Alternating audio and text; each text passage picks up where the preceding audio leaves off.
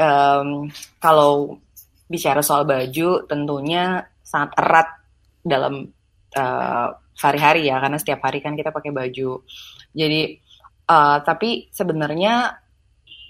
kalau kita mau mengakses lagi, kita mau memeriksa kembali koleksi-koleksi baju kita yang yang yang kita udah pakai, kita lihat uh, di lemari, itu sebenarnya baju yang kita butuhkan itu sebenarnya mungkin nggak sebanyak itu dan uh, desire atau keinginan kita untuk membeli baju misalkan setiap bulan atau setiap tiga bulan juga sebenarnya nggak uh, perlu kayak gitu juga. Jadi mungkin uh, gimana caranya supaya uh, kita bisa lebih peduli, lebih sering untuk uh, untuk cari tahu, untuk mau belajar sama-sama, mungkin bagi yang belum pernah datang uh, ke tukar baju, mungkin bisa diawali dengan datang dulu ke tukar baju, terus merasakan bagaimana feelnya. Jadi dari situ uh, kita bisa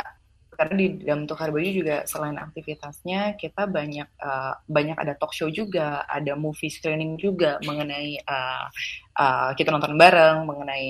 uh, film apa yang memang menggaris bawahi tentang masalah-masalah uh, fashion berkelanjutan ini gitu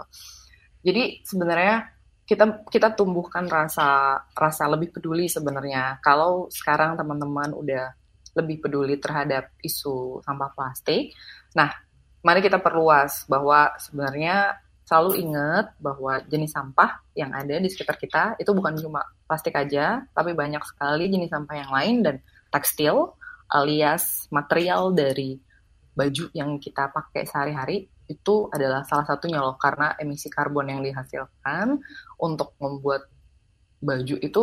itu bisa tinggi sekali bahkan melebihi dari industri penerbangan atau aviasi. Jadi dilihat dari sisi environmentalnya, karbon emisinya juga udah gede. Jadi